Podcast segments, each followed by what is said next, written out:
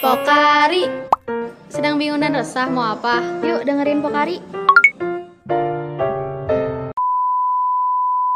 Oke, Assalamualaikum teman-teman semua. Awal yang baru, semangat yang baru di tahun 2023. Jadi, uh, Pokari di episode 9 kali ini aku nggak sama Janet, tapi aku ditemenin sama Fani. Halo Fani. Halo Rara, halo teman-teman Kema semuanya. Kenalin, aku Fanny Andriani sebagai perwakilan dari salah satu staff Departemen Kerohanian BMF Psikologi. Hai Fanny, jadi gimana nih kemarin liburan? Kamu ke mana aja? Um, liburan kemarin cukup singkat ya, Udi sebab itu kalau semester genap, jadi ya di rumah aja kira. Ya sama dong ya, apa kan kemarin. Hmm, ya betul. Oke, jadi di Pokari episode 9 ini kita bakal ditemenin sama narasumber yang pastinya keren banget yaitu Kang Muiz. Halo Kang. Nah, di sini Halo. Kang Muiz itu adalah mahasiswa berprestasi dan juga uh, salah satu yang memiliki IPK terbesar nih guys. Nah, terus dari gitu juga beliau memiliki banyak pengalaman. Mungkin selanjutnya bakalan dilanjutin sama Fani. Boleh Fani silahkan. Ya, halo teman-teman semuanya. Aku izin masuk ya. Jadi, untuk pemateri kita hari ini ada Kang Muiz. Boleh tepuk tangan semuanya. Tepuk tangan online ya. Jadi, Kang Muiz, uh, Kang Muiz ini bakalan nemenin pokari kita hari ini ke depannya gitu. Dengan tema Get to know about psychology student. Kira-kira apa aja sih yang bakal dibahas? Oke, mungkin sekarang uh, kita balik nih ke Kang Muiz. Kang, Assalamualaikum. Waalaikumsalam. Halo, Fani. Halo Akang. Akang gimana nih kabarnya Kang? Alhamdulillah baik. Sekarang lagi dingin ya Bandung ya, jadi harus pakai sweater nih biar nggak kedinginan. Iya dingin banget Kang. Apalagi tadi pagi hujan ya Kang. Iya bener banget. Aduh, enak selimutan nih. selimutan. Aduh, tapi Kang ada podcast nih ya Kang. iya, nggak apa-apa. Ini seru. Kapan lagi bisa sharing-sharing kan sama anak BEM? Alhamdulillah. Uh, mungkin Akang ada kegiatan apa hari ini Kang?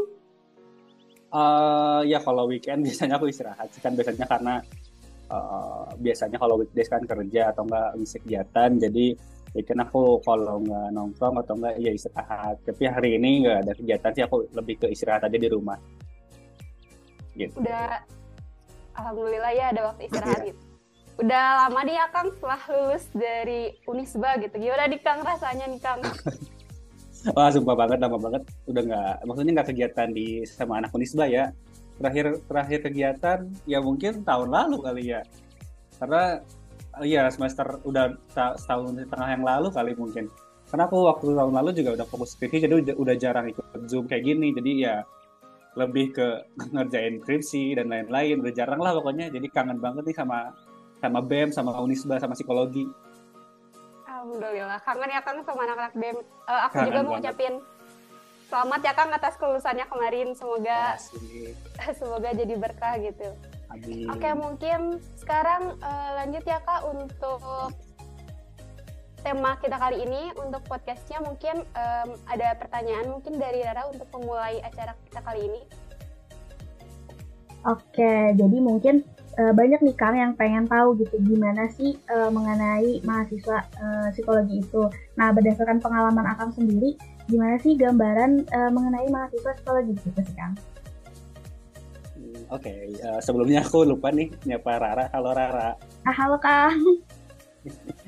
uh, ya kalau misalkan mahasiswa psikologi sih pengalaman aku sendiri ya, ya sebenarnya kurang lebih sama aja kayak jurusan lain uh, kita datang ke kelas, datang pagi-pagi jam 6.30 kalau di Unisba ya. Jadi waktu aku awal-awal kan masih ada uh, offline ya kelasnya, jadi datang pagi-pagi 6.30, terus uh, misalkan kelas dari pagi, terus ada kelas lagi sore, jadi nungguin, terus habis kelas ya nongkrong, terus uh, atau nggak ngerjain tugas, ya gitu. Cuman yang bedanya kalau psikologi kita lebih banyak berhubungan sama manusia. Jadi kalau misalkan jurusan lain mungkin ada beberapa jurusan yang kayak saintek uh, fokus uh, hubungannya itu lebih ke alat atau misalkan uh, benda gitu ya. Kalau misalkan kita karena psikologi itu ya hubungannya sama manusia. Jadi kalau misalkan kita tugas atau misalkan kita nunggu kelas pun kita banyak ketemu orang. Jadi benar-benar ya nggak bisa sendiri gitu. Apalagi kalau misalkan uh, waktu offline ya, uh, misalkan aku semester satu awal-awal masuk kelas pagi-pagi terus nungguin sampai sore nunggunya tuh aku ya ngobrol sama teman-teman. Terus kalau misalkan uh, apa ada banyak tugas kita kerjain tugas bareng gitu. Nggak bisa bener-bener nggak bisa sendiri karena butuh diskusi butuh uh, insight lah dari teman-teman gitu. Cuman kalau misalkan pas lagi pandemi atau zamannya kelasnya online itu bener-bener uh, bikin malas banget buat uh, ngerjain tugas atau kelas. Jadi ya mungkin ada beberapa orang yang bangun buka laptop terus ikut kelas tapi pas di kelas tidur gitu. Nah itu nggak boleh ditiru ya sama teman-teman nanti uh, yang pendengar penonton ini. Cuman ya kalau aku biasanya gitu uh, kalau misalkan pas zaman kelasnya online ya uh, bangun buka laptop terus uh, aku dengerin kadang nyatet. Kadang kalau misalkan lagi hektik dan ikut organisasi uh, aku pakai dua device satu laptop satu HP atau satu laptop satu laptop lagi satu laptop yang buat kelas satu laptop lagi buat webinar atau organisasi. Pernah kayak gitu dan ya itu benar-benar hektik. Tapi ya um, yang ngebedain kita sih adalah kita tuh uh, tugas-tugasnya itu emang berkaitan sama buku dan manusia. Jadi uh, jangan kaget kalau misalkan di sini ada nanti maba-maba atau misalkan uh, yang baru masuk ya semester 2 atau semester 4 kita harus lebih banyak membaca buku. Karena memang uh, seenggaknya tugas yang dikasih itu ya berkaitan dengan buku. Jadi kalau misalkan kita nggak suka baca buku ya mau nggak mau kita harus mulai mulai bacalah atau enggak kalau misalkan nggak suka baca kita mulai nanya-nanya. Itu terus ya keseharian kita tugas-tugasnya itu berhubungan dengan manusia itu.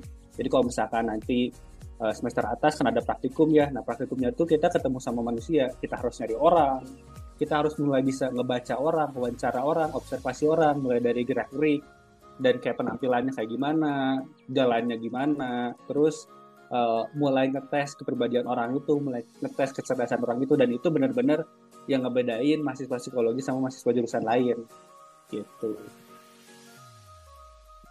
Jadi cukup jauh banget ya Kang gitu perbedaannya gitu kalau misalnya dikaitkan hmm. sama fakultas lain. Oke mungkin iya, iya. Kang uh, ya selanjutnya pertanyaan yang mungkin lebih spesifik ya Kang dari aku. Uh, bisa dijelasin nggak sih Kang gitu secara ringkas aja gitu? Apa yang pernah Akang lalui gitu misalnya dari semester 1 sampai semester akhir ini di Fakultas Psikologi ini? Terutama di Unisba ini kan kan pasti beda banget itu ya sama, sama kampus lain gitu kan di mana di Unisba ini menerapkan yang namanya psikologi keislaman gitu. Boleh okay. mungkin dijelasin? Ya singkat aja mungkin Kang. Oke okay. um, agak panjang tapi ya bahasannya mungkin karena da dari semester semester gitu ya. Kalau dari semester satu aku awal-awalnya benar-benar ngerasain hal apa ya adaptasi lah di perkuliahan. Uh, aku benar-benar ngerasain yang namanya nggak suka kuliah, nggak suka uh, kampus, nggak suka jurusan psikologi bahkan karena uh, bukan bukan jurusannya mungkin ya lebih ke kampusnya karena waktu awal-awal aku uh, apa sempat ngerasain mual terus uh, deg-degan karena nggak suka banget masuk Unisba aku pengennya tuh kampus negeri gitu.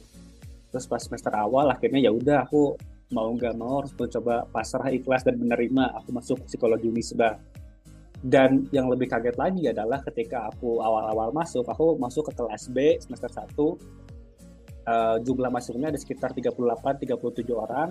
Dan di situ aku cowok sendiri bener-bener cowok sendiri jadi aku waktu SMA waktu kecil tuh nggak biasa ngobrol sama cewek nggak biasa interaksi lah. Maksudnya nggak biasa main sama cewek. Nah ketika masuk kampus masuk kuliah semester satu tiba-tiba harus berinteraksi nih sama banyak cewek semuanya. Dan di situ benar-benar aku belajar. Belajar beradaptasi belajar komunikasi sama cewek. Harus hati-hati ngomong sama cewek. Dan juga di psikologi juga aku jadi belajar oh ternyata perbedaan cewek sama cowok tuh gini loh kita nggak boleh sembarangan. Ada cewek tuh misalkan ada masanya dia lagi masa period atau lagi masa menstruasi kita nggak boleh jahil uh, kita hati-hati. Terus kayak ngomongnya pun nggak boleh bikin baper lah istilahnya gitu. Terus beranjak semester satu uh, serunya juga ada. Seru di zaman pakem dia zaman waktu ospek uh, apa apa tuh namanya aku lupa. Udah waktu pakem tuh ada apa aja sih? Taruh. Ada PPD juga kan PPD ya pokoknya. Nah, PPD waktu PPD ramai itu kan. Waktu semester satu ikut taruh terus ospek terus uh, eh, PPD terus ramai pokoknya camping di situ. Terus aku jadi merasa oh ternyata uh, enak banget nih uh, ospeknya anak psikologi di memang nggak ada marah-marahan. Maksudnya kayak marah-marahnya pun bukan dalam maksud tujuan yang dramatis gitu drama. Tapi ya benar-benar kayak evaluasi dan itu pun sedikit banget buat marah-marahnya. Jadi ya kita PPD-nya benar-benar buat evaluasi diri sendiri. Kita belajar di hari window kita belajar masang tenda sendirian di hutan gitu. Meskipun bukan hutan beneran ya maksudnya kayak di bukit lah istilahnya. Tapi benar-benar masak sendirian terus di kita merenung sendirian kayak apa sih yang telah aku laluin selama hidup ini semester satu tuh terus bersepeda aku akhirnya jadi kenal sama uh, angkatan 18 terus semester 2 nih aku mulai ikut penelitian aku ikut uh, inaugurasi mulai sering nih pulang malam karena rapat terus uh, jalan inaugurasi kita beres terus makin kenal lagi sama anak-anak psikologi. Semester 3 ikut organisasi ikut BEM terus uh, mulai kenal juga sama anak kakak tingkat mulai kenal sama dosen. Semester 4 semester 5 uh, udah mulai hektik nih ikut praktikum. Harus nyiapin OP, harus nyari insentif, terus uh, harus ngapalin modul, terus ngerjain tugas yang banyak banget. Sampai ya benar-benar aku juga kewalahan waktu awal-awal. Sampai uh, ya kadang suka ngorbanin misalkan waktu main aku demi ngerjain tugas atau misalkan uh, aku uh, nggak organisasi dulu buat ngerjain tugas gitu. Terus uh, sambil semester 4 semester 5 juga kenal, kenal sama dosen semester 6 semester 7 udah mulai ikut lah dikit-dikit proyek sama dosen kebantu dosen. Sampai akhirnya ya aku uh, lulus deh semester 8 tapi yang aku rasain semester 1 semester, semester 1 sampai semester 7 itu hal yang paling capek-capeknya dari semester 1 sampai semester 7 karena justru jujur semester 8 tuh udah mulai mandiri. Jadi uh, udah mulai nggak ada kelas jadi tinggal skripsi aja. Dan uh, ya kita mau lulus apa enggak juga itu mah tergantung diri kita sendiri. Jadi uh, kita benar-benar semester 8 tuh uh, udah mulai banyak gabut dan itu udah, udah ben, mulai benar-benar keputusan dari tangan kita mau lulus cepat atau mau lulus enggak ya gimana kita gitu. Dan yang aku rasain sih ya capeknya adalah semester 1 sampai semester 7 kalau semester 8 tuh nggak capek-capek banget justru uh, seru karena uh, udah mulai aku sendiri ngejalanin nih gitu Nah, jadi udah ada data gambaran ya teman-teman ini terutama nih keluarga Kema nih psikologi nih dari semester 1 tuh sampai semester 7 udah dijelasin tadi ya secara rinci, secara ringkas sama Kangnya. Apa aja sih nanti yang bakalan dilaluin itu sama mahasiswa Fakultas Psikologi. Mungkin selanjutnya uh, ada pertanyaan dari Rara mungkin? Uh, boleh. Jadi selanjutnya itu kan Akang tadi udah cerita nih banyak banget ikut kegiatan gitu ya selama Akang jadi mahasiswa di psikologi gitu. Kayak inaugurasi terus ikut proyek sama dosen juga. Terus akan aku lihat juga di sisinya akan ikut magang ya kang ya? Iya. Terus uh, banyak banget kegiatan yang akan uh, ikutin gitu. Nah menurut akang sendiri apakah mahasiswa itu perlu mengikuti kegiatan seperti itu? Kan masih banyak nih kang yang masih jadi kuliah pulang kuliah pulang gitu.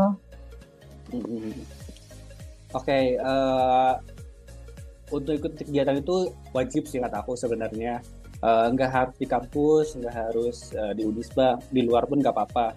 Yang penting ya sebenarnya asal asal kita tahu tujuan kita. Karena uh, jujur kalau misalkan jadi mahasiswa kita cuma uh, datang kampus belajar terus udah belajar uh, pulang nggak ngapa-ngapain kayak kita nggak nggak kerja misalkan nggak mengembangkan diri nggak relasi sama orang. Maksudnya intinya kayak diem aja gitu di rumah gitu ya. Iya nanti pas udah lulus kita kayak bingung mau cari kerja susah nggak ada pengalaman. Mau ikut proyek nggak ada relasi. Karena benar-benar yang aku rasain ketika lulus tuh udah benar-benar apa ya pressure atau tekanannya tuh benar-benar lebih gede daripada kuliah. Jadi kalau saran aku ya buat teman-teman penonton penonton di sini manfaatin waktu kalian di tempat di kampus itu dengan sebaik mungkin. Kalau memang teman-teman pengen pengen apa ya jadi peneliti atau pengen jadi dosen ya manfaatin belajar buat di kampus. Bener-bener belajar jangan sampai uh, apa ya jangan sampai kayak udah ke kampus sekedar datang aja pas di rumah ya udah lupain gitu.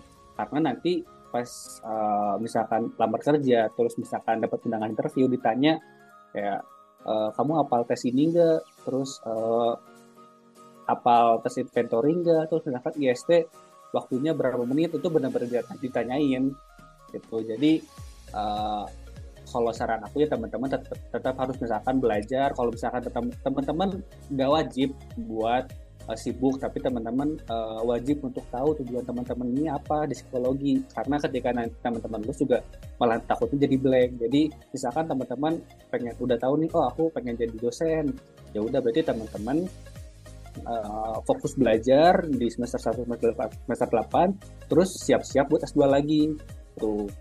Tapi jangan lupa cari relasi juga karena uh, ketika misalkan teman-teman mau nyari S2 pun tetap harus nanya kayak misalkan uh, ini nanti S2-nya gimana ya. Kadang kan ada ada juga uh, yang S2-nya tuh harus uh, kerja dulu atau juga ada juga yang S2-nya tuh harus apa dites dulu. Bahkan ada yang tes Inggris terus di, di jadi teman-teman harus tetap punya relasi intinya. Gitu. Terus uh, manfaatnya ketika misalkan nanti teman-teman ikut kegiatan terus uh, atau enggak ikut organisasi atau ikut magang teman-teman bukan cuma sekedar ditaruh CV doang, tapi benar-benar ningkatin atau mengembangkan diri teman-teman. Ya meskipun eh, nggak uh, banyak, tapi yang aku rasain, aku dulu tuh ya sekarang juga kalau misalkan ngomong masih suka ini ya berbelit-belit, tapi kalau misalkan dulu, kalau benar-benar susah gitu buat ngobrol sama orang gitu dengan ikut organisasi, dengan ikut kegiatan, dengan ikut magang, aku lebih lancar lah istilahnya ngomongnya sedikit lebih lancar dan benar-benar kayak berpikir tentang psikologi itu lebih mudah gitu. Karena ketika misalkan di kelas dikasih studi kasus aku jadi tahu oh ini aku pernah nemu kasus ini di organisasi ini nih jadi lebih gampang nih buat ngerjainnya. Kayak gitu. Jadi uh, usahakan ketika teman-teman di kelas atau misalkan uh, pas lagi belajar itu benar-benar dipahami terus benar-benar teman-teman juga ikut kegiatan lain lah. Jangan sampai diam doang gitu Jadi beneran relate banget ya Kang. Mm-mm, betul. Jadi buat nambah pengalaman dan relasi juga ya Kang kalau ikutan Betul. Itu wajib banget. Relasi itu kita nggak akan bisa survive di dunia ini kalau nggak punya relasi. Mungkin uh, ada next question ya dari aku. Boleh masuk? Boleh, boleh. Tadi Ya tadi kan Akang udah jelasin tuh, uh, terus dijelasin juga, uh, dikasih tahu juga sama Rara, dilihat dari CV, Akang ada banyak pengalaman organisasi, juga magang gitu. Mungkin yang hal yang menarik gitu untuk mahasiswa sekarang adalah ikut magang ya Kang. Nah, oh. gimana sih? Ya gimana sih ada nggak sih tips and trick gitu biar keterima magang? Apalagi kadang kan ada mahasiswa yang suka jadi insecure karena CV-nya tuh kosong gitu mau ikut magang tapi CV kosong itu masih bisa keterima nggak sih Kang gitu biasanya? Oke okay, oke. Okay um, sebenarnya ya mungkin ini juga termasuk kritik juga ya ke yang tempat lain karena kadang uh, ada juga tempat magang yang nyari orang berpengalaman. Itu yang aku bingungin. Tapi teman-teman penonton-penonton penonton-penonton di sini gak usah khawatir karena banyak banget kok tempat-tempat magang yang emang uh, menerima kita gitu. Meskipun kita nggak punya pengalaman sama sekali. Nah tipsnya adalah uh, teman-teman harus tahu dulu teman-teman pengen magang di minat yang mana. Karena kan kalau misalkan di psikologi unisba ada tiga minat ya pendidikan klinis sama pio nah kalau misalkan uh, teman-teman pengen di pendidikan berarti CP-nya harus di uh, related atau dikaitin sama uh, yang teman-teman pelajarin di pendidikan. Entah misalkan belajar tentang perkembangan ngambil mata kuliah uh, pendidikan anak atau uh, ngambil abnormal anak gitu Terus kalau misalkan teman-teman pengen di klinis, berarti teman-teman harus kuatin CP-nya di klinis. Entah nanti uh, misalkan di pengalaman kuliahnya ya, uh, kan ada disiplin itu bisa ditulisin nanti kayak pengalaman kuliah, terus uh, riwayat pendidikan di pengalaman kuliah, teman-teman bisa ditulisin. Misalkan di pernah proyek uh, apa wawancara orang, terus proyek ngetes orang, terus proyek uh, apa mendiagnosis atau misalkan bekerja kelompok tentang diagnosis gitu. Jadi benar-benar dikaitin. Dan uh, kalau misalkan teman-teman pengen di Pio, teman-teman juga uh, coba cari juga misalkan di Instagram atau misalkan di uh, job portal lain. Dan teman-teman ya kalau misalkan mau ikut magang kalau aku sendiri usahain uh, jangan targetin yang berbayar dulu. Entah itu mungkin itu pilihan teman-teman ya terserah teman-teman pengen ikut magang berbayar atau enggak. Cuman aku sendiri saranin jangan berbayar dulu karena biasanya kalau yang paid paid internship atau berbayar biasanya mereka suka apa ya nargetin atau nyari orang yang berpengalaman benar-benar berpengalaman. Aku aja yang maksudnya yang udah banyak organisasi yang udah banyak ikut magang pun susah masuknya itu meskipun mungkin teman-teman juga uh, belum apa ya siapa tahu bisa keterima tapi uh, kalau saran aku ya teman-teman ikut dulu yang yang gratis lah yang yang unpaid atau yang nggak berbayar. Karena nanti uh, di situ teman-teman bakal belajar. Uh, minimal ada relasi dulu. Yang kedua ada pengalaman meskipun pengalamannya sedikit dan nggak banyak terus uh, itu bisa disentuhin di CV gitu. Terus uh, tip dan trik aku adalah rajin-rajin cari info. Karena magang itu nggak cuma ya program magang tuh nggak cuma ada di Instagram atau misalkan di di BEM aja ya. Di Telegram atau misalkan di akun-akun official lain. Tapi itu benar-benar jadi cari info kita misalkan ada di magang merdeka. Karena waktu aku dulu kan magang merdeka itu masih awal ya baru-baru baru-baru ini gitu. Waktu aku dulu tuh. Terus aku nggak tahu bener aku benar-benar nggak tahu ada info magang. Jadinya aku telat gitu buat ikutnya dan setelah aku udah semester akhir semester tua gitu aku jadi kayak merasa menyesal. Tuh ternyata ikut magang merdeka tuh ternyata lebih mudah daripada ikut magang kayak independen. Karena udah mah kita dibayar terus uh, lowongan yang dibukanya pun banyak gitu. Jadi ya sayang banget kalau misalkan kita nggak rajin cari, cari info dan nggak ikut misalkan magang mereka atau misalkan magang tempat lain. Banyak banget kok program-program magang. Aku pernah ikut yang namanya Talent Growth Community ya jadi endorse deh.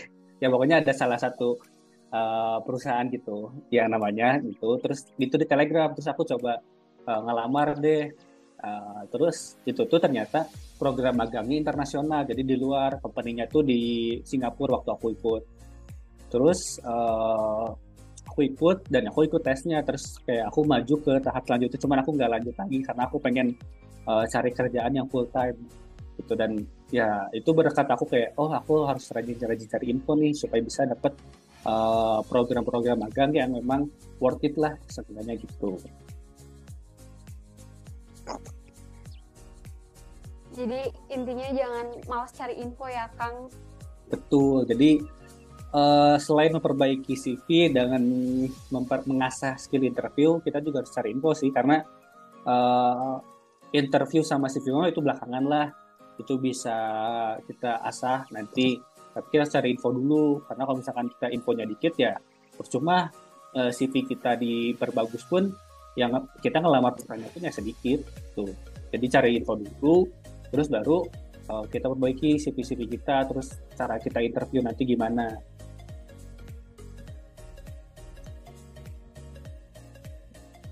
uh, mungkin ke pertanyaan selanjutnya kali ya Kang boleh nah di sini aku penasaran banget nih Kang. Menurut Akang sendiri apa sih suka duka Akang sebagai mahasiswa psikologi gitu? Oke. Okay. aduh uh, apa ya? Sangat ini ya sangat banyak suka dukanya.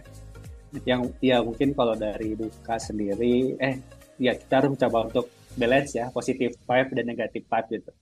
Kalau dari dukanya dulu deh. Yang pertama awalnya aku ngira ya eh, psikologi itu khusus untuk orang-orang yang suka ngobrol ternyata enggak salah banget. Psikologi itu khusus untuk orang-orang yang suka ngedengerin gitu. Jadi eh, awalnya aku kaget oh ternyata aku aku kan awalnya kira aku suka ngobrol nih orangnya. Terus aku pengen masuk psikologi eh ternyata tahunya kita tuh jangan banyak ngobrol di psikologi harus banyak kedengerin gitu. Terus kayak oh ternyata aku kaget terus aku jadi belajar oh ternyata kalau misalkan uh, cara ngedengerin orang tuh kayak ini tuh yang pertama dukanya. Jadi banyak kesalahan. Terus uh, dukanya adalah uh, ternyata cowoknya sedikit di psikologi. Jadi uh, aku benar-benar harus berrelasi juga sama teman-teman cewek. Tapi di sana aku jadi kayak kenal juga oh ternyata uh, kerjanya anak-anak cewek atau teman-teman yang cewek itu lebih rapi loh daripada laki-laki. Jadi kayak misalkan aku misalkan mau ikut proyek atau misalkan mau uh, apa ngerekomendasiin teman buat kerja aku lebih ke cewek dulu gitu karena melihatnya oh ternyata ceweknya lebih rapi gitu. Terus uh, harus banyak baca buku itu dukanya. Aku sendiri orangnya gak suka baca, suka baca buku tapi uh, di psikologi tugas-tugasnya itu harus banyak baca buku. Bahkan kayak seminggu tuh ada aku harus apalin satu bab di mana satu bab itu bisa kayak 50 halaman bahkan ratusan halaman. Jadi iya aku mau gak mau harus baca buku di psikologi. Itu terus uh, aku ketemu dosen-dosen yang uh, kadang yang ada yang apa ya istilahnya bukan killer ya lebih ke disiplin tegas gitu. Tapi di situ aku jadi belajar oh ternyata memang disiplin dan tegas tuh bikin aku bikin eh, lebih dewasa. Karena ketika aku udah lulus masuk kantor tuh bener-bener banyak orang lebih parah gitu. Maksudnya lebih killer lagi daripada dosen. Dosen tuh lebih ke ngajarin kita ini gini nih kita tuh belajar tuh kayak gini. Jangan kayak jangan manja lah. Tapi ya di situ aku jadi belajar oh ternyata di kantor pun lebih parah lagi lebih lebih jahat lagi gitu. Di tempat luar sana tuh orang-orang tuh lebih jahat lagi. Gitu. Jadi aku bersyukur juga ketemu dosen. Uh, dosen-dosen tuh banyak banyak yang baik dan bukan banyak yang baik semuanya baik dan ngajarin gitu. Ngajarin aku buat belajar ngajarin aku buat uh, gimana survive di kehidupan. Terus ngajakin aku juga buat proyek penelitian gitu. Itu uh, sukanya ya suka yang pertama. Dosennya baik-baik. Terus uh, sukanya sukanya juga ya yang kedua teman-temannya pada asik dan empati. Maksudnya apa? Karena kayak maksudnya adalah orang-orang atau mahasiswa psikologi itu karena mereka mungkin belajar psikologi ya.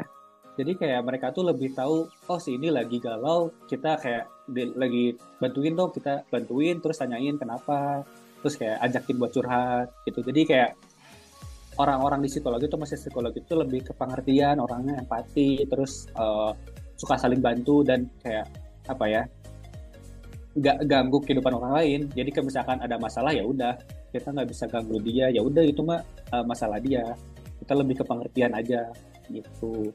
Terus sukanya yang kedua, yang ketiga uh, apa ya istilahnya uh, banyak programnya. Entah dari misalkan dari program uh, keagamaan dari program uh, BEM kayak gini ya kayak Pokari. Terus uh, terus ada program apa lagi kayak olahraga terus program uh, departemen lain. Itu banyak banget dan itu benar-benar bikin kita berkembang terus uh, selain itu proyeknya juga banyak banget. Entah itu proyek di kampus ataupun di luar kampus. Dan benar-benar kalau misalkan teman-teman yang money oriented atau misalkan cari uang itu benar-benar uangnya banyak kalau buat psikologi. Jadi teman-teman di sini nggak usah khawatir. Intinya adalah cari relasi kalau misalkan teman-teman mau ikutin banyak proyek.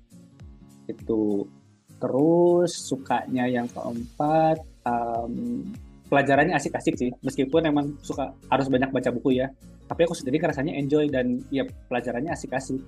Jadi kayak misalkan aku belajar tentang uh, depresi.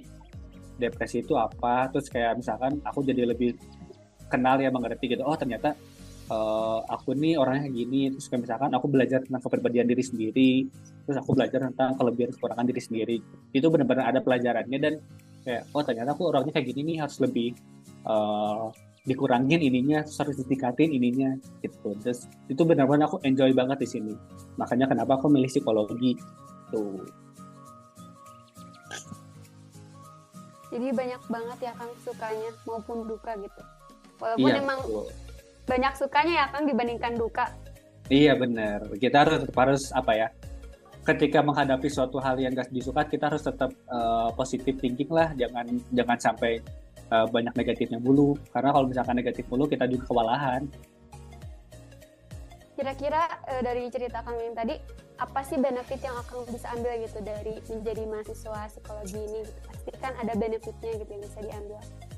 Oke okay, aku salah aku ceritain beberapa ya. Salah satunya yang pertama adalah aku ketemu orang-orang hebat benar-benar orang hebat gitu. Uh, ada yang kayak dia tuh uh, nyalonin anggota DPR, terus ada yang rumahnya ada tiga dari proyek psikologi aja, terus ada yang baru ketemu tapi dia udah bisa ngebaca seluruh kepribadian aku gitu. Jadi kayak misalkan kayak dukun banget pokoknya. Itu benar-benar orang-orang hebat di psikologi itu kayak gitu. Terus uh, ada yang orang baik banget kayak pengertian sama diri kita, terus tahu tentang uh, apa yang kita butuhkan, terus kayak apa ya mendorong kita buat belajar gitu Terus uh, yang kedua uh, apa ya? Yang aku rasakan adalah aku ketemu dengan proyek-proyek yang yang banyak dan gede dan bikin aku belajar. Kayak misalkan aku training, aku belajar jadi public speaker, terus uh, aku belajar juga tentang alat-alat tes itu terus yang ketiga aku ketemu orang-orang yang random jadi belajar psikologi itu benefitnya aku ketemu orang-orang random aku bisa ngajak ngobrol mereka kayak lebih tahu uh, misalkan aku ngobrol sama tukang parkir kayak uh, pak gimana? Uh, bapak di sini udah berapa lama? Terus kehidupannya gimana? Terus tahu-tahu dia nyeritain tentang uh, iya uh, masalah saya tuh kayak gini terus uh, saya punya istri anak ternyata kayak gini-gini. Nih jadi kayak lebih tahu oh ternyata uh, berkat psikologi aku seenggaknya belajar untuk mendengarkan orang lain. Gak banyak ngomong gak banyak ngejudge.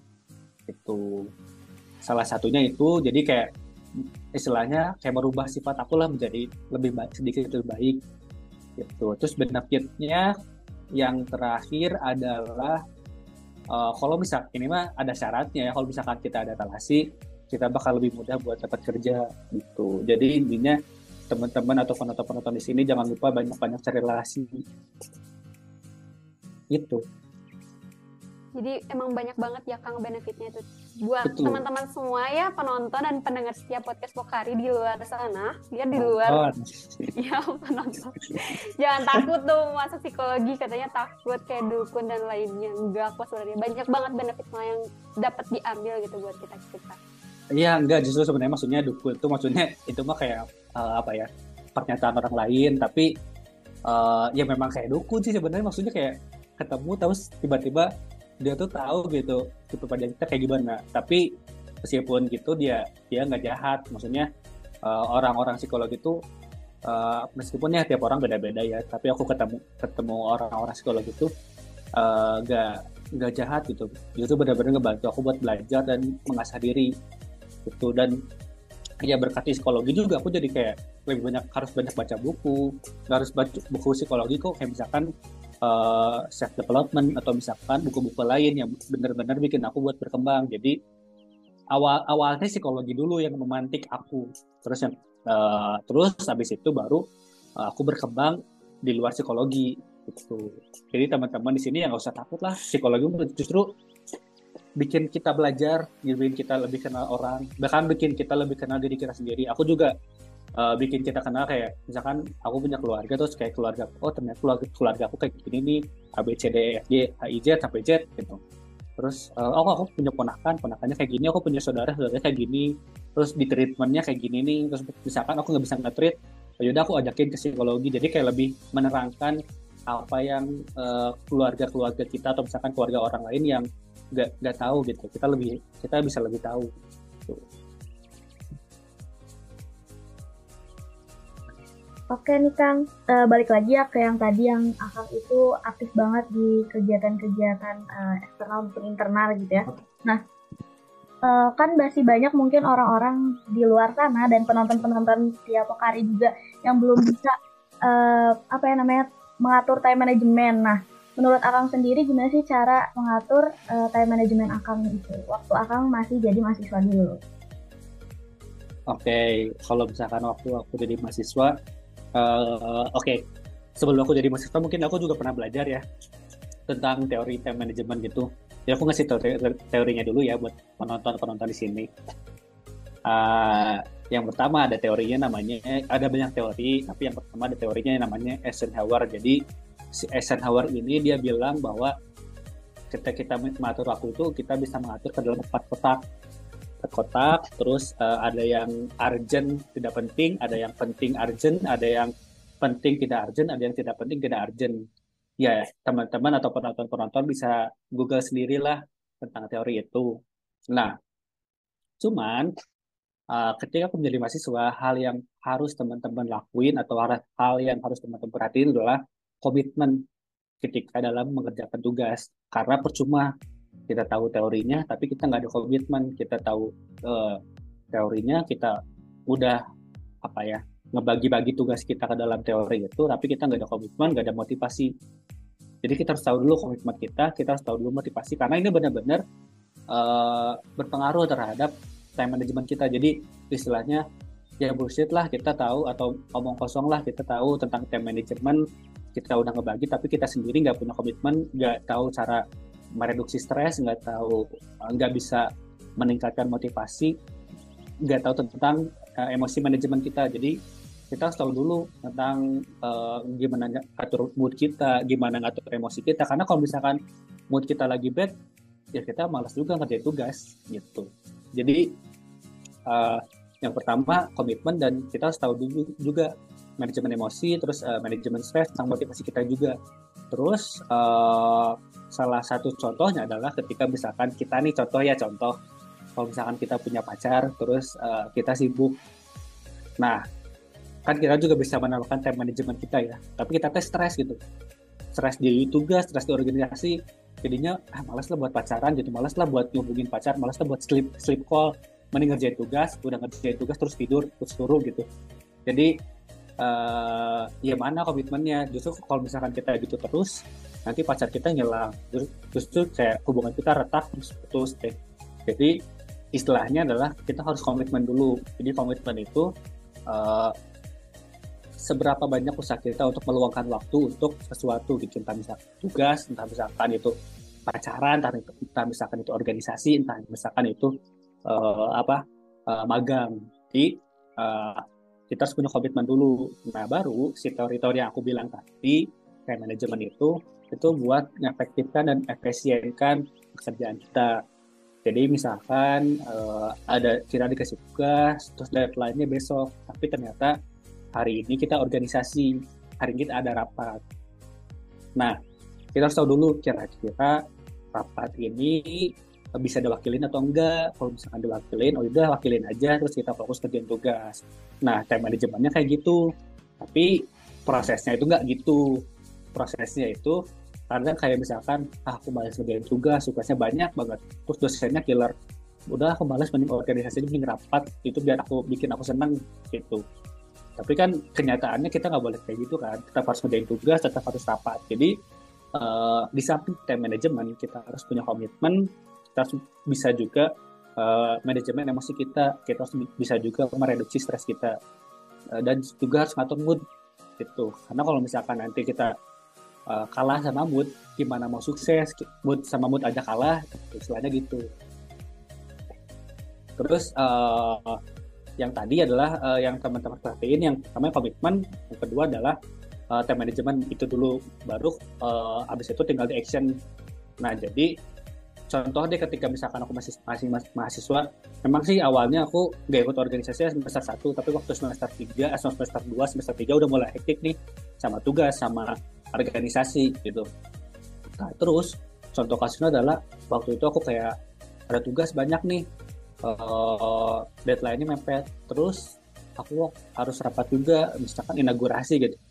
Nah aku lihat dulu kondisinya si rapat ini lama nggak kira-kira? Terus uh, atau misalkan uh, apa acara ini lama nggak kira-kira? Kalau misalkan oh bentar ternyata cuma sampai jam 8 malam ya udah aku uh, acara ikut acara ikut kegiatan sampai jam 8 malam habis itu pulang baru ngerjain tugas. Ngerjain tugas sampai jam berapa dari jam berapa terus misalkan aku oh capek aku tidur dulu bentar terus jam 3 bangun lagi terus ngerjain tugas lagi. Tuh aku biasanya gitu kalau misalkan lagi capek banget ya udah aku nggak maksain aja nggak maksain terus aku tidur dulu bentar baru habis itu bangun lagi buat uh, kerjain tugas Nah, secara teori kan nggak bisa ya kalau misalkan kayak kita nggak ada komitmen mah kita nggak bisa. Udah tidak aku tidur dulu baru bangun jam 3 tahu-tahu kebablasan aja. Bangun-bangun jam 7 pagi gitu bangun-bangun jam 4 pagi soal subuh kayak nggak nggak beres kerjaannya nggak beres tugasnya. Jadi tetap kita harus punya komitmen dulu buat kerja tugasnya. Jangan sampai uh, kita udah ngebagi-bagi waktu tahunya kita capek di di prosesnya gitu ya. Ngantuk ketiduran tugas nggak beres ya ya udah gitu. Jadinya kita kebablasan. Jadi tetap kita harus perhatiin komitmen kita. Di kuliah ini kita mau apa? Uh, bener-bener mau ngejar apa? Mau ngejar IPK mau ngejar uh, udah lulus sekedar lulus aja atau ya udah mengisi waktu luang aja mau apa? Kalau memang misalkan kita ngejar lulus tepat waktu lulus cepat terus IPK juga ya bisa dibilang lumayan lah atau uh, cukup lah IPK-nya ya kita harus punya komitmen sama itu. Kalau misalkan kita udah komitmen sama itu nanti ke sananya juga kalau misalkan mau kerjain tugas kita jadi kayak tahu oh ternyata kalau misalkan aku nggak ngerjain tugas ini nanti aku dapat nilainya uh, E misalkan ya. Terus IPK aku nurun terus aku lulusnya uh, lulusnya lama. Terus ya udah akunya jadi kayak uh, apa uh, malas buat kuliah. Itu jadi kayak ya udah kuliah malas terus uh, hidup jadi berantakan. Istilah gitu. Jadi kita sebenarnya komitmen dulu baru gunain teori time manajemennya begitu penonton penonton. Berarti balik lagi ya kang ke tujuan kita itu di kuliah ini mau ngapain gitu ya mau belajar atau mau apa gitu Betul, jadi uh, kuliah tuh bukan cuma sekadar kuliah, masuk kelas, terus ke depannya nggak ada apa-apa. Jadi uh, kita harus tahu tuh dulu tujuan kita di kuliah itu apa. Entah misalkan setelah kuliah aku pengen beasiswa ke luar negeri, atau misalkan setelah kuliah aku pengen S2, setelah kuliah aku pengen kerja. Nah, si setelah kuliahnya itu kita harus tahu dulu syaratnya apa. Misalkan aku pengen kerja, ternyata banyak nih syarat-syarat uh, kerja itu minimal IPK 2,75 atau enggak minimal ada pengalaman atau enggak misalkan syarat-syarat beasiswa ini minimal IPK di atas 3,3 atau minimal IPK di atas 3 terus syarat S2 juga sama. Minimal IPK di atas berapa atau misalkan ada pengalaman apa. Nah setelah misalkan kita tahu syarat-syaratnya oh berarti kita harus tahu dulu target kita. Misalkan uh, eh, IPK-nya adalah sekian. Misalkan IPK-nya kita pengen IPK 3,3 atau misalkan kita pengen IPK cum laude ya berarti kita harus nge-planning dulu gimana caranya dapat IPK laude, gimana cara dapat IPK sekian, terus uh, tapi kita juga harus tahu uh, apa di kita dapat IPK sekian pun uh, nggak cuma belajar doang, nah bisa juga dengan ikut kegiatan, ikut uh, apa organisasi, ikut magang. Nah itu juga bakal apa ya bikin kita juga punya pengalaman gak cuma belajar doang gitu. Karena yang aku rasakan adalah ketika aku ikut organisasi ya khususnya BEM gitu ya atau misalkan aku ikut magang aku jadi kenal orang. Kalau misalkan di BEM ya aku kayak jadi kenal dosen nih. Dari kenal dosen aku ikut proyek. Dari kenal dosen aku ikut proyek aku dapat kerjaan aku kenal orang kenal orang di luar sana terus diajakin kerja kayak gitu. Jadi uh, intinya kita tahu dulu tujuan kita terus syarat-syaratnya apa buat dapetin tujuan itu terus kita bikin rencana bikin planning kita baru baru aksi aksi kita baru action eksekusi terus kita komitmen sama plan itu. Nah setelah komitmen kita cari tahu gimana caranya biar efektif sama efisien ternyata salah satunya adalah time management. Tuh tapi nggak cuma time management aja karena time management itu cuma salah satu kita juga harus tahu dulu tahu juga tentang diri kita tentang uh, em manajemen emosi tentang uh, cara mereduksi stres tentang uh, cara apa ngebalikin banyak sih sebenarnya. Kalau misalkan teman-teman belajar tahunya ntar jadi pusing ya. Tapi intinya satu-satu dulu aja. Komitmen dulu sama time management dulu. Dari time management salah satu teori yang tadi aku bilang. Terus uh, setelah itu komitmen komitmen kita gimana? Itu jadi itu seputar time management ya mungkin yeah. selanjutnya uh, aku mau nanya nih Kang. Tadi kan uh, di, di awal juga udah dijelasin ya Manara itu salah satu mahasiswa berprestasi di samping itu. Kalau misalnya dilihat dari riwayat hidup Akang juga itu lombanya banyak gitu ya kan ikut lomba volunteer gitu dan lain-lain. Ada nggak sih gitu tips and trick buat kita gitu biar sedikit kecipratan mungkin kang? Uh, ya gimana sih tips and trick itu biar jadi mahasiswa berprestasi yang mungkin nantinya bisa ngebantu kita kita juga yang para penonton gitu. Oke okay. uh, eh, jujur aku cerita dulu ya. Waktu awal-awal kuliah waktu semester satu aku jujur gak niat banget buat ikut lomba gak ikut organisasi. Jujur aku kayak gitu aku semester dua ngambil mata kuliah 10 SKS aja deh. Udah gak usah banyak-banyak aku malas buat kuliah karena kayak apa sih ternyata masuk Unisba teh aku masuk swasta kayak direndahin. Ternyata Unisba itu salah satu aku sekalian ngasih tahu ya buat penonton-penonton di sini psikologi Unisba itu termasuk salah satu fakultas yang terpandang gitu. Bahkan alumni alumninya pun uh, bekerja di salah satu perusahaan yang gede. Ada yang di Astra uh, ada yang di ya aku jadi nyebut perusahaan. Ya pokoknya perusahaan gede gitulah ya. Uh, dan di situ juga aku kayak jadi ketemu sama orang-orang hebat juga. Bener-bener kayak ada yang orang udah dia jabatannya udah direksi terus di perusahaan gede. Dan dia benar-benar hebat banget gitu.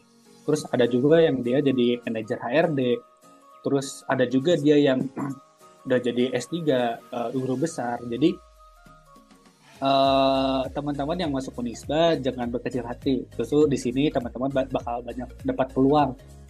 Itu nah, terus uh, yang kedua aku itu waktu awal-awal kan nggak kayak udahlah aku malas kuliah kuliah aja sekedar lah.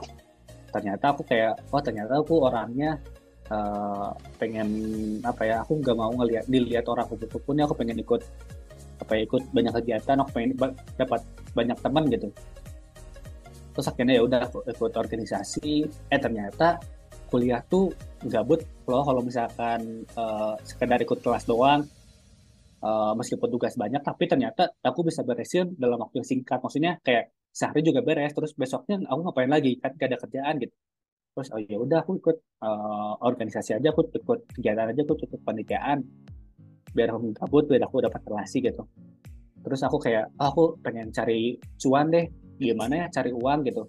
Selain misalkan aku jualan juga nggak jago. Kayak misalkan ya udah aku ikut lomba aja biar bisa dapat uh, ya seenggaknya aku dapat pengalaman pengen tahu dulu dapat lomba gitu ikut lomba.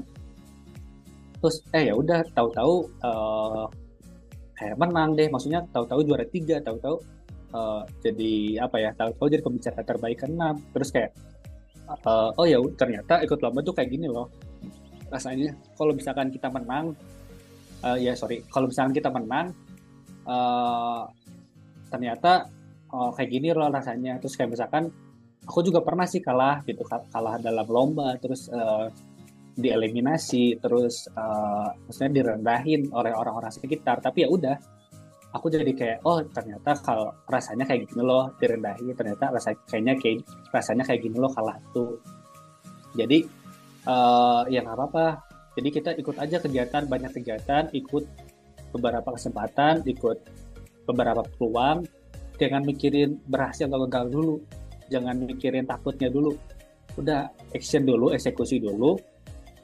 Nanti kita bakal ngerasain uh, ternyata kalau misalkan kita juara kayak gini loh ternyata kalau misalkan kita uh, kalah terus kita juara kayak gini loh rasanya. Karena jujur ini mah salah satu hal yang aku alami ya.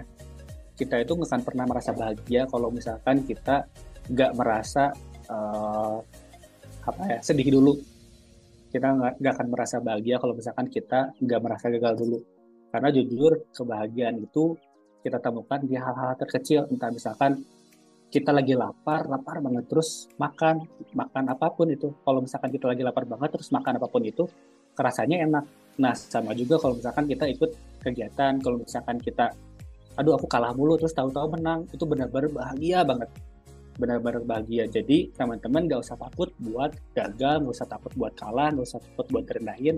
Intinya udah hadapin aja dulu gitu. Jadi uh, teman-teman di kuliah jangan sampai teman-teman uh, cuma kuliah kelas diam aja. Jadinya kayak nggak ada nggak ada tantangan dalam hidup gitu. Jadi teman-teman tetap harus istilahnya uh, punya tujuan terus apa yang pengen dikejar kejar udah jangan takut sama apa yang pengen dikejar. Mau ikut organisasi organisasi mau ikut lomba ikut lomba mau ikut penelitian ikut penelitian.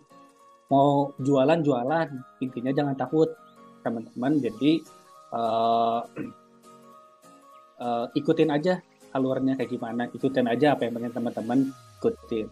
Terus uh, biasanya yang suka ngaruh tuh kayak uh, apa ya kita suka suka ngebanding bandingin sama orang lain. Itu mah jujur kayak misalkan kayak aku juga suka gitu kayak misalkan eh dia ikut lomba aku juga ikut lomba ah eh ternyata dia menang aku kalah oke okay, ngedown jujur itu bahkan kalau misalkan kita mikirin itu terus kita bakal down terus. Jadi jangan kayak gitu. Jadi ya udah kalau misalkan eh dia udah sukses terus aku belum. Oh ya udah aku mah punya jalannya sendiri mungkin waktunya beda. Dia mungkin sekarang aku mah nanti gitu. Jadi teman-teman jangan uh, jangan ngebanding bandingin sama orang lain jadi intinya ikut dulu aja uh, terus rasain teman-teman nikmatin prosesnya teman-teman Jangan, uh, eh, kalau misalkan teman-teman takut, lawan rasa takut. Kalau misalkan teman-teman sedih, ya udah keluarin sedih. Kalau misalkan teman-teman pengen marah, marah aja. Tapi tetap aja harus ikutin, jangan sampai berhenti. Istirahat mah istirahat, tapi jangan berhenti. Jadi ikutin semua kegiatan di kampus, entah itu lomba, entah itu misalkan uh, apa organisasi entah itu misalkan penelitian entah itu misalkan volunteer ikut aja. Terus uh, nanti teman-teman akan ngerasain oh ternyata kayak gini loh rasanya gitu. Nah tipsnya adalah teman-teman rajin-rajin cari info rajin-rajin cari relasi. Tuh. Jadi uh, entah itu relasinya misalkan di teman-teman kelas entah itu misalkan kalau misalkan kan zamannya udah sosial media ya. Banyak banget uh, sosial media gitu. Misalkan banyak banget info misalkan ada beasiswa ini misalkan ada kegiatan ini teman-teman jangan sampai nggak ikutan. Jadi kayak ikutan aja udah. Ambil aja peluang sebanyak-banyaknya. Gagal ataupun berhasil itu mah urusan nanti. Intinya teman-teman cari info dulu cari relasi. Terus tanyain ke relasi teman-teman gimana ya caranya buat ikut itu? Terus apa sih tipsnya buat bisa ikutan itu? Jadi kita harus juga tanyain ke relasi kita. Ya misalkan ikut magang ini gitu. Ikut magang di perusahaan gede. Nah kita tanyain ada nggak orang yang kita kenal atau enggak uh, kita SKSD deh sama orang nggak kenal. Terus tanyain misalkan uh, pengen magang di perusahaan gede terus kita SKSD di LinkedIn sama HR-nya gitu HR-nya kayak kalau perkenalkan aku Muiz uh, terus uh, aku dari apa dari Unisba ini ini ini. Aku pengen tahu nih uh, apakah ada, ada lowongan ini? Oh ya gitu. Terus misalkan uh, oh ya uh, apakah misalkan tanyain aja kalau misalkan kita nggak malu mah tanya aja tip and tapi kalau misalkan itu secara profesional nggak etis ya cuman kayak misalkan ya udah tanyain aja apakah ada lowongan? Kayak misalkan tiba-tiba ternyata ada lowongan terus disuruh daftar terus ya udah kita ngelamar gitu.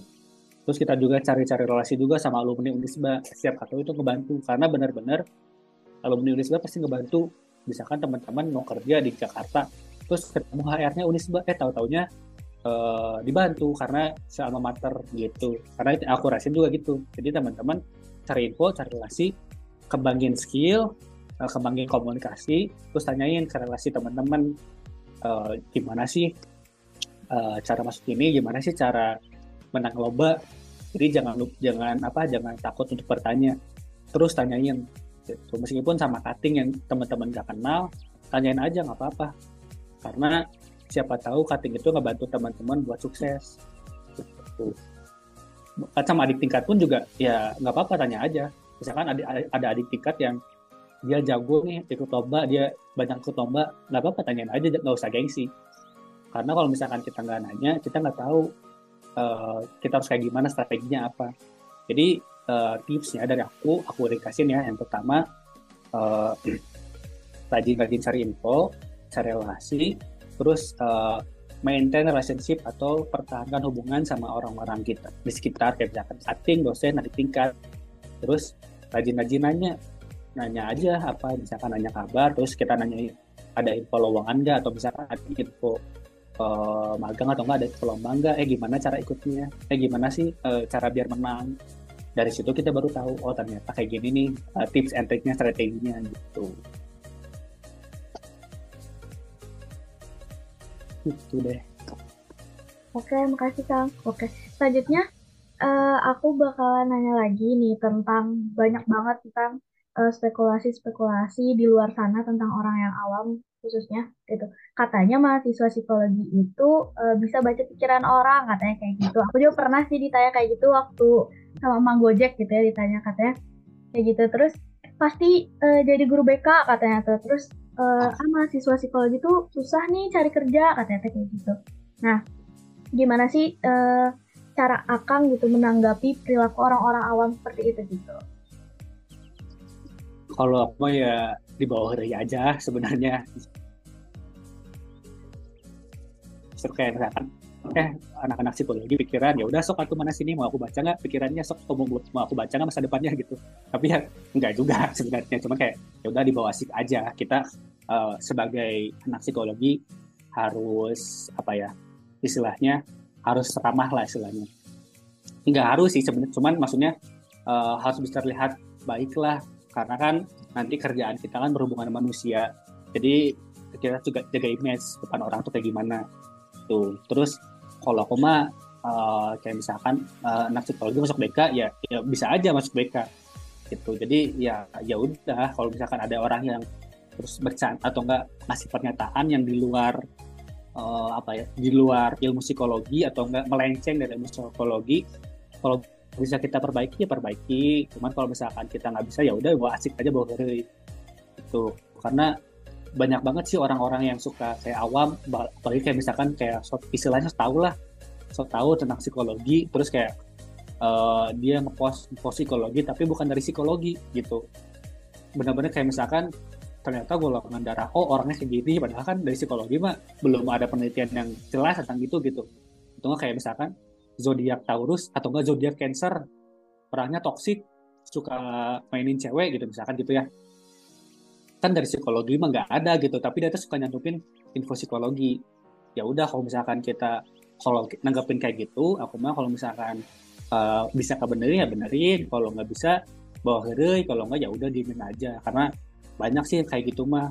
Cuman kalau sebisa mungkin jangan diam sebisa mungkin uh, kasih tahu aja eh ternyata info eh, info ini salah. Psikologi mah nggak pernah ngasih info kayak gini. Psikologi mah based on penelitian banget orangnya. Jadi nggak bisa nggak bisa uh, benar-benar apa nebak orang gitu. Nggak bisa. Benar-benar kita dari ilmu pengetahuan banget. Emang kita bisa baca sifat orang gerak uh, apa kepribadian orang atau enggak apa yang orang itu ala rasain dari gerak geriknya bukan dari pikirannya. Karena dari pikiran mah susah kan nggak kelihatan ya. Nah cuman kita bisa ngeliat dari gerak geriknya misalkan nah ternyata dia lagi gemetaran kenapa ya? Tanyain bukan di bukan ditebak. Justru psikologi mah nggak boleh ngejat nggak boleh nebak. Kayak misalkan ini orang lagi kelihatannya lagi galau. Kita malah ngejat eh kamu lagi galau ya? Nggak boleh maksudnya kayak eh kamu lagi stres ya? Keluarga lagi bermasalah ya? Nggak boleh gitu. Justru kita harus tanyain. Kayak eh kamu kelihatannya lagi galau kenapa? Tidak bisa aku bantu. Itu jadi nanggepin orang-orang yang awam orang-orang awam tentang psikologi mah kita bisa bawa kalau misalkan melenceng jauh dari psikologi tapi berpengaruh sama psikologi ya kita kasih tahu ini salah kata psikologi mah harusnya gini gini gini. Atau enggak psikologi nggak pernah belajar tentang ini. Ini salah atau enggak nih tentang dari penelitiannya ternyata kayak gini.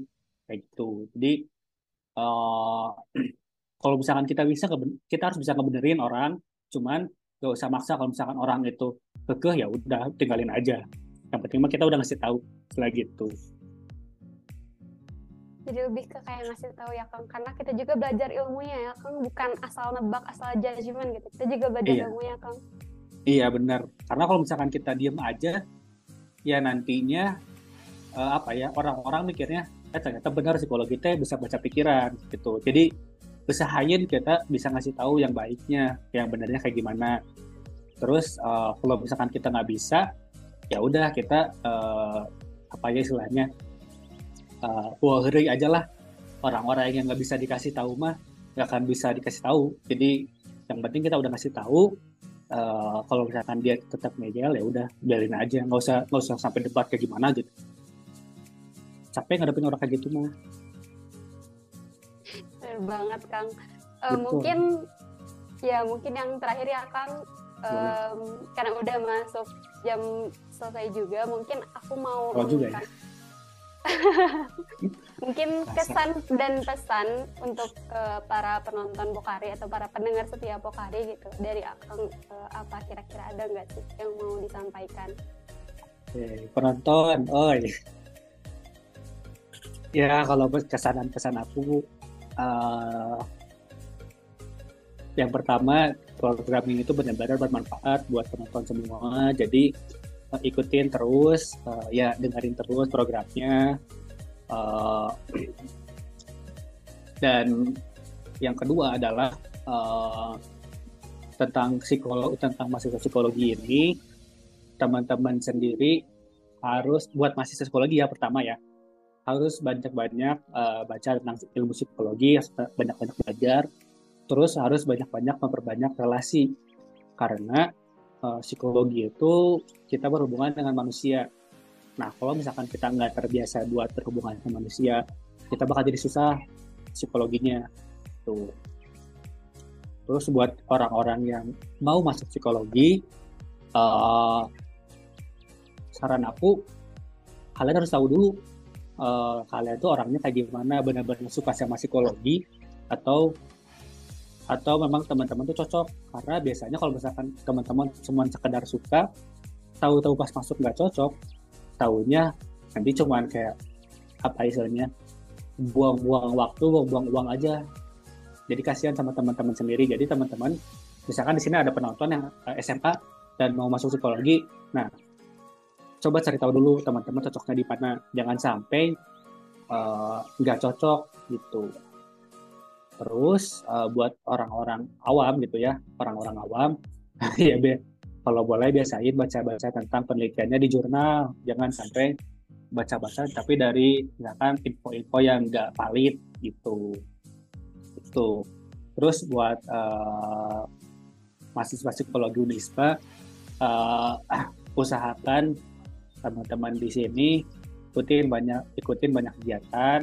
Apa pun itu nggak harus organisasi nggak harus magang apa pun itu ikutin banyak eh, apa dapetin banyak pengalaman eh, dapetin banyak relasi eh, kita insya Allah akan eh, apa ya lebih sukses ke depannya gitu. Itu sih dari aku pesan pesannya semoga sukses terus lah hari ini Amin ya Allah amin. Akang uh, mungkin aku izin tarik kesimpulannya Kang karena ya. ini udah ada di sesi akhir penghujung acara kita ya. untuk tema kali tema kita kali ini itu get to know about psychology student yang bisa aku tarik kesimpulan tadi bahwa bedanya mahasiswa fakultas psikologi dengan fakultas lain itu kalau kita lebih langsung berhubungan dengan manusia di samping itu tadi juga udah dijelaskan secara ringkas ya sama Kang Mui sendiri gitu dari awal kita masuk sampai kita akhir apa aja yang bakalan kita dapat dan kita hadapi. Di samping itu kita juga harus pandai mengatur komitmen terutama relasi time management dan juga lainnya mungkin um, aku di sini mau izin pamit undur diri ya Kang. Terima kasih sebelumnya karena udah menyempatkan waktu di setelah weekend gitu, di setelah weekend yang harusnya dipakai buat Kang mungkin istirahat, mau dipakai jadi podcast gitu. ya, Ini juga termasuk refreshing sih. Refreshing, iya. iya. Ketemu sama Rara sama aku ya Kang refreshing. Iya udah, maksudnya udah udah lama gak ngobrol sama mahasiswa psikologi Mbak gitu. Jadi temu kangen gitu ya Kang sekaligus iya, betul. cara temu kangen. Aku mau ngucapin makasih banyak ya Kang sekali lagi dan juga aku mau ngucapin mohon maaf teman-teman sekalian kalau misalnya ada perkataan maupun pengucapan tepapan aku yang kurang enak didengar di hati para penonton gitu. Mungkin aku kembalikan lagi ke Rara. Oke, terima kasih Fani ya. Terima kasih juga Kang Muiz sudah bersedia banget jadi narasumber di Pokali di Pokari kali ini gitu ya. Terus karena uh, Akang ini banyak banget pengalaman dan juga uh, mahasiswa berprestasi. Jadi kita itu dapat banyak insight baru ya Fania, benar? Kayak tadi kita dijelasin tentang ya gambaran umum tentang mahasiswa psikologi juga, terus kayak sebagai mahasiswa psikologi apalagi di Unisba ini kan kita dituntut untuk aktif apalagi ada SKS nondik ya Kang ya. Ya, terus uh, Akang juga uh, ngejelasin gitu gimana pentingnya kegiatan-kegiatan tersebut, terus ada sedikit tips and tricksnya juga gitu. Jadi gimana sih cara kita bisa keterima magang. Terus Akang juga tadi ngejelasin tentang pentingnya relasi. Nah ini tuh yang paling penting ya Kang ya. Terus udah gitu gimana cara kita uh, cari informasi tentang magang gitu ya. Terus ya uh, pentingnya juga mengenai uh, kita uh, tujuan kita itu mau gimana gitu sebagai mahasiswa gitu. Ternyata yang ternyata itu berhubungan erat banget sama time management gitu. Nah, banyak banget kan ilmu-ilmu yang kita dapetin di Pokari kali ini. Semoga uh, podcast kali kali ini uh, bermanfaat buat teman-teman pendengar setiap Pokari. Jadi aku Rara di sini dan juga uh, Fani kita uh, undur diri dari penonton semua yang udah mendengarkan Pokari dan sampai ketemu di episode Pokari selanjutnya. Terima kasih teman-teman semua. Dadah. Dadah.